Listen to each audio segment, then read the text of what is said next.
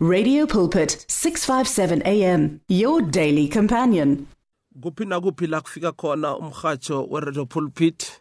Siyalochisa khulu umlaleli we-radio pulpit nanamhlanje segameni likakristu jesu wasenazaretha. Sibonga umusa uzima siphe wona.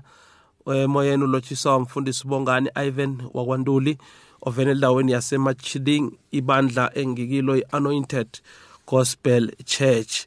Siyathokoza khulu eh ukuthi nisilalele nisibeke nibeke indlebe. Sibuyi appreciate a lot eh mlaleli we-radio pulpit. Sithokoza ngendlela erarileko. Umusa lo uzima siphawona imihla namalanga ngaphandle kwawo.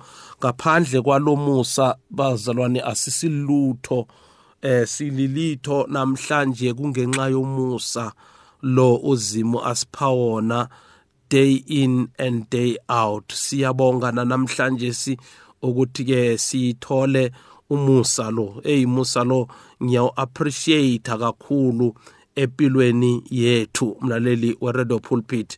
Eh sizofunda ke izwi lenkosi namhlanje si egameni lika Jesu Kristu waseNazaretha. Sizwe uzimo ukuthi namhlanje si ukhulumisana nathi uthini ngoba ngilo lelizwi esiphila ngalo ngilo lelizwe esikhamba ngalo liyisibani einyaweni zethu. Nasikhamba ngalo asoze saduka asoze saba lost. Why? Because of sinozimu oyi-guidance yethu osihola imihla namalanga. Siyathokoza kakhulu ke eh mlaleli weredo pulpit. So manje sisencwadini ka-isaya namhlanje isahluko sika-1 verse number 18 isaya chapter 1 verse number 18 isaya isahluko ngesika-1 iverse ngelika 18 sizofunda ma, ma ingcwadi ezimbili bese sizokufunda no-isaya 52 verse number 2 but sizothoma la eh kuverse number ku chapter 1 verse number 18 lifundeka ngalendlela isihloko vele lesi engikhulumela phezulu kwaso. Come now let us reason together says the lord. Come now let us reason together says the lord. Mhlanje isihloko engikhulumela ngaphasi kwaso ukuthi iza manje sithethisane indaba sikhulumisane indaba. Uzimu lapha ukhulumisana nathi mlaleli siyakhumbula uIsaya bengumprofeti kaNkuluNkulu uzime bekabereka ngaye. Ngalesi sikhathi is one of the major prophets uzimu ebekamberegisa ngalesi sikhathi ebantwaneni bakwa-Israyeli. So manje lapha sifunda khona sithola nakamagama athi come now let us reason together says the lord. Kutsho uzimi uyabona umuntu okhuluma lamagama sikubambe lokhu akusingu isaya per se but it's god himself speaking. Athi come now let us reason together. Kusho inkosi akutsho omunye nomunye umuntu mara kutsho uzimu yena ucobo lwakhe. Abiza abantwana baka-Israyeli uthi izani sithethe indaba sikhulumisane. Come let us reason together. Ngamanye amagama nawuza nami ngiyeza i'm meeting you halfway angi angiliseleli wena ukuthi wenze the coming on your own. But the more you come nami i am coming towards you. Uzokhona ngiyeza ngiza nami la ukhona nawe uza la ngikhona. Ukuthi kunalapha siyohlangana khona. Njengoba athi come let us reason. Ngifuna sikhulumisane. Na uzimu la uthi nakakhuluma nabantwana baka-israyeli uthi come kunanti igama elibaluleke khulu elithi come now. Ukuthi ngamamagama you must no longer delay. Kungasabi nento ekubhayizisako nanyana ekuthikamezako ekutheni uze. Zinengi izinto ezingakwenza ukuthi ungezi. Ungezi nakhona ungezi nje ukuthi wena eh, eh awangisalungisa lokhu ngisaya lapha ngisayokwenza lokhu ngisayokwenza lokhu ngisafuna ukulungisa lokhu ngisafuna ukwenza in in but uthi uzimu iza nje kungasabi nento eba ne-delay ekwenzela i-delay ekutheni uze. Because ukuza kwakho ngalesi sikhathi engikubiza ngakho kuthi ukuthi ngamamagama kunala ngifuna ukukuthatha ngikuse khona. Now manje ke yemtele uze nje uthi come now not tomorrow not next year not next month not the year after that but come now. Njengoba ulizwa lelizwi likhulumisana silifunda. Now likhuluma nawe wena osekhaya ukuthi come now. Don't hesitate. There are things ezenza abantu bahesitate ate eh impilo wami ayisi-right eh angeke ngikhone ukuza kuNkulunkulu. Let me fix myself. No fixing yourself akungeke kukuhelebhe but you need to ukuthi uze kilo othi iza. Ngoba uyazi ukuthi why athi iza nje. Ikusasa alikakathenjiswa asilazi ukuthi liphetheni asazi ukuthi kuyokwenzakalani from ama-minutes wanje sizobe siwaphila.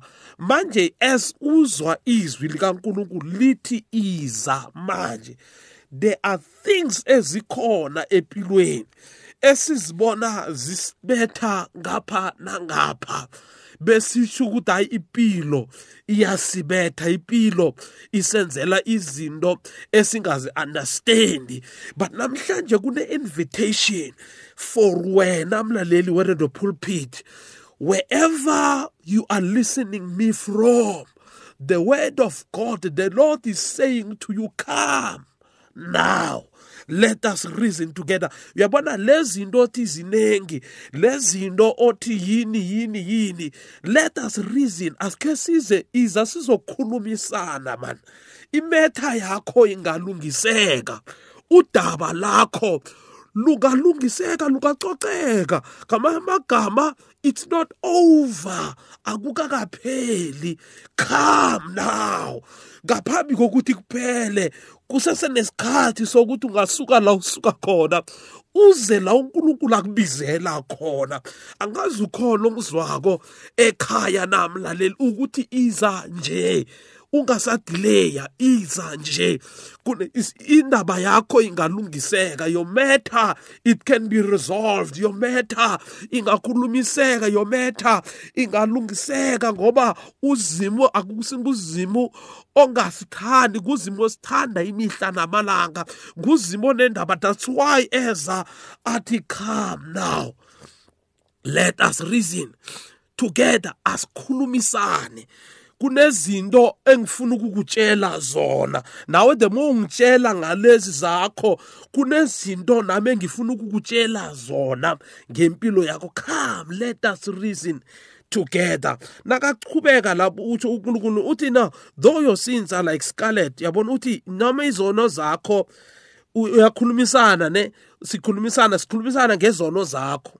Ukuthi na noma they are like scarlet ne they shall they shall be as white as snow. Na noma zibovu bebe bebe bebe bebe mara zingahlanzwa. Matter it can be resolved. Nabathi scarlet ukuthi eh akunathemba lokuthi into le ingaba mhlophe mara nanoma zinjalo izono zakho zifana nale scarlet though your sins are like a scarlet ne they can be washed angenzi ngahlanzwa zingenziwa lezo zono zingenziwa zibe mhlophe njengechwa. Now ukuthi kwamagama ukuza kwakho uyokwenziwa ukuthi ube mhlophe. Ukuza kwakho kuzimu angeke ufane ngalendlela oze ungayo. Uzimu the more ukuye uzoba kuhlanza akulungisa akwenza ukuthi ube yilento le come let us reason together. Abantu siyadileya siyadileya siyadileya. Siba lamazaba siba nama-reasons nakufanele size kuzimu siba nama-reasons siba nezinto siba nama-excuse esingawaletha before siza kuzimu mara uzimu uthi no don't delay. Kwangathi ngakhuluma nomuntu don't delay come now. Because now uyalizwa lelizwi likhuluma nawe. Lithi ungasade engisaya le ngisayokwenzani eh eh iza nje. Awazi ukuthi uzimu ukuphatheleni njengoba kubiza kwanje.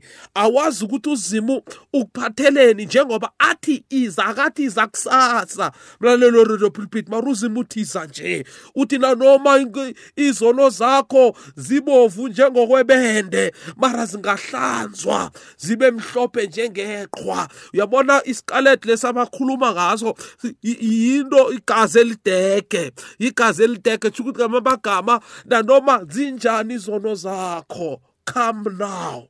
Sizulu come now come now. Don't delay ngoba ukudileya kwakho kuzokwenza ukuthi ugcine sewubanjwa ngunokufa ungakalungisi indaba yakho. Mara if you, you hear this word namhlanje and respond to the word that is speaking to you then ebese uzokwazi ukuthi-ke ulungise indaba yakho nojesu. Uthi come down. Though your sins are, ne, are like a scarlet they shall be white as snow. Though they are red like a crimson they shall be as a wool. Uyabona nanoma zinjani nanoma isimo sakho kuthiwa siyabheda maruzimu namhlanje uthi come let us reason together. Ithi let us reason. Asikhulumisane ngalento le. Ingalungiseka. Into yakho yometha. Yabona kumnandi uthi uzitshela ukuthi mani eish impilo wami seyihlangahlangene. Uzitshela ukuthi impilo yakho ayisesena direction la iyakhona but kube nomuntu oza kwata eh man hayi mani into yakho le kwangathi singakhona ukuthi ungayilungisa. Kunendlela engalungisa ngayo ube uba nethemba ukuthi eish bengizitshela ukuthi sekubhalile. Bengizitshela ukuthi hayi akusena way out of this situation. Manje namhlanje uzimu lo uyasibiza mlaleli weredo pulpit uthi asize nje kuye. Lisa ukudileya. Ukudileya kuzokwenza ukuthi ungafinyeleli la uzima bengafuna ukuthi ufinyelele khona. Kunezinto eziningi uzima afuna ukuzenza ngawe. Don't delay. Come now. Let us reason. Asikhulumisane. God is calling you.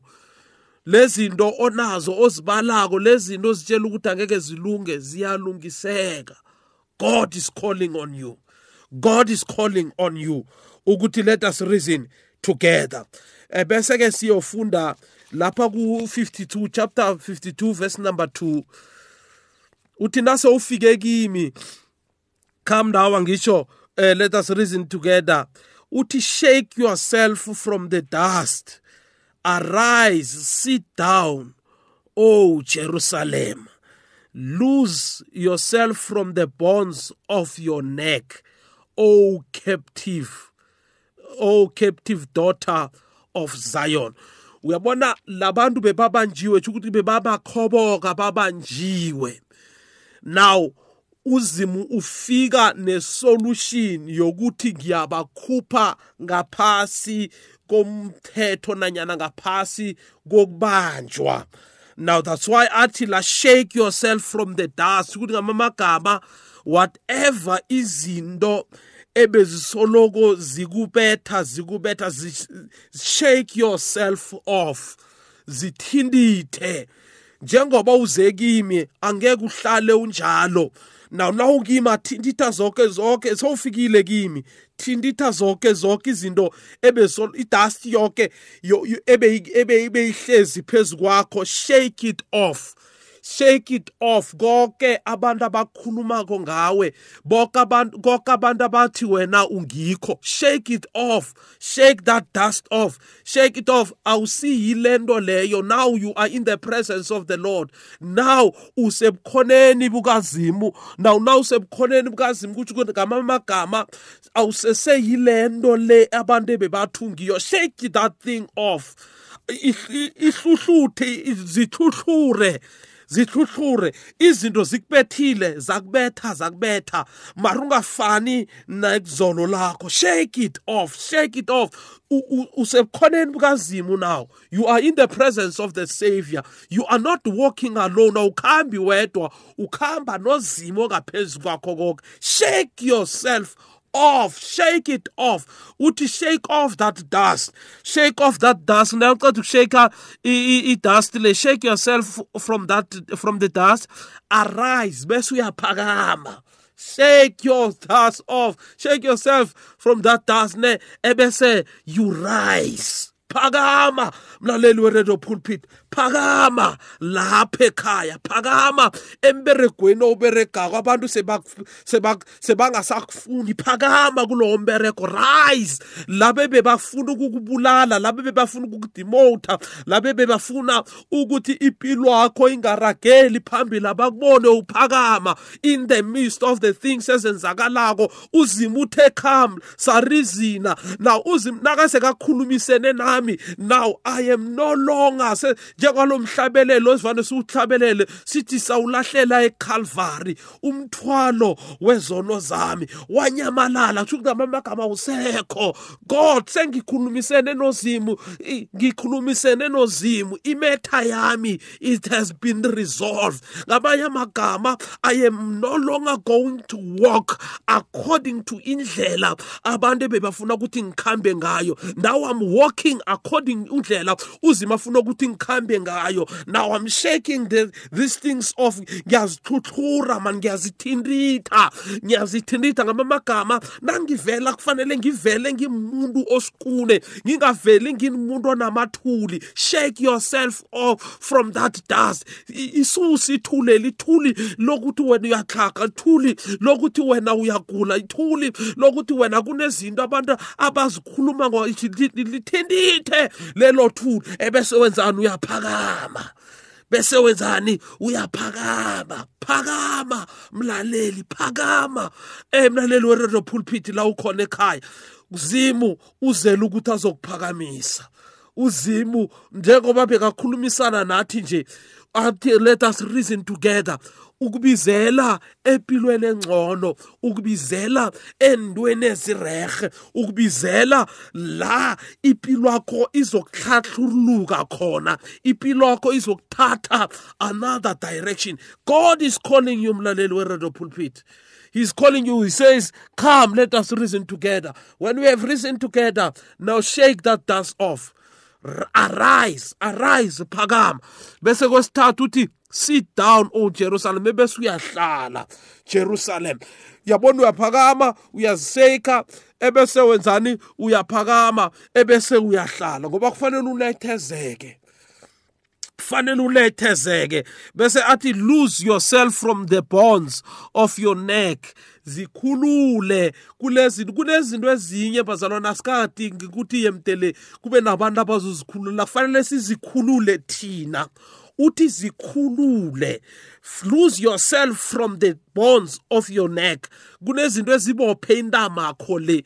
Awusakhona nokwenza next izinto ezinye uzibophile zazibopha sazibopha sazibopha. Uthi lose yourself zikhulule. Kuthi kwamamagama demo njengoba ukimi so sarizina. Kahle kahle into ezikubambileko zilula ngamanye amagama. You can even ungakhona nokuzikhulula phezu kwakho. Ngoba naw sewunamandla amanye avela kunkulunkulu avele ekosini. Amandla asenza ukuthi sibe yile nto uzima afuna ukuthi sibe ngiyo. So manje uthi lose yourself from the bonds of your neck o captive daughter of zion. Wena othunjiweko zion ndodakazi yesiyoni. So now manje namhlanje sizwi lenkosi lithi kithi eh uzima uthi let us reason together. Come let us reason together. Awuzi kusasa ungasadelay yamlaleli weradio pulpit. Don't delay yourself ngezinto zemhlabeni. Come now let us reason together. It's what god is saying to us. Namhlanje ukuthi let us reason together. Nanoma igazi izono zakho zifana negazi zizokuhlanza utsho ukuthi your matter iyalungiseka. Then indaba yakho nayilungilisekileko seyirehe shake that dust off of your shoulders. Arise phakama mlaleli weredio pulpit. Phakama phakama. Lose yourself. Lose yourself from izinto obotshwe ngazo. Lose yourself. Une-backup. Unkulunkulu has already released you. Lose yourself. Akusenadingo sokuthi usoloko ufana lokanje nedonke yabotshwako ibotshwe ehlanu kwesitulo eh bayibopha emthini bayisusa emthini bayibopha phezu kwesitulo eh isitulo and isitulo seplastic. Mara ngenxa ukuthi kunentambo ebotshiweko eh izitshela ukuthi isabotshiwe kanti nedi nayingakhambi igijimi ngabona ukuthi eh man into engibophileko le is nothing.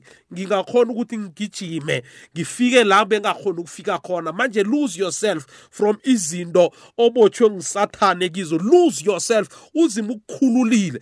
Now you are free indeed. So now lose yourself from izinto engathi zikubambezela kakhulu. Now sowusebukhoneni bukankulunkulu manje. Let us uthi uzimu let us reason together. Come now don't delay.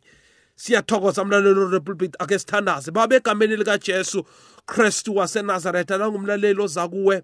Namhlanje baba wethu namandla onke siyamthandazela. Lord god almighty iba nguzimu empilweni akhe iba unkulunkulu onamandla onke inkosi nomsindisi. Lord God Almighty as ayeza kuwe ngenhliziyo yakhe yonke. Mamkele heavenly father. Lord God Almighty ubhala igama yakhe. Encwadini zokuphila. uNkulunkulu onamandla onke siyamthandazela kiko konke ebekumbopha. uNkulunkulu onamandla onke Lord God Almighty amandla okukhululeka. Siyawakhuluma phezulu kwempilo yakhe ngelihle igama lomfowethu uJesu Kristu waseNazaretha. Amen. Siyathokoza khulu umlalelo radio pulpit. Na ungifuna uyangithola. Amanomboro wami naka 076 027 0799 076 027 07 kilezo nomboro uzimo akubusise ngendlela emangalisako. Amen and amen. The words of the lord are words of life. Your heart is on 657 am 657 am radio for believers in action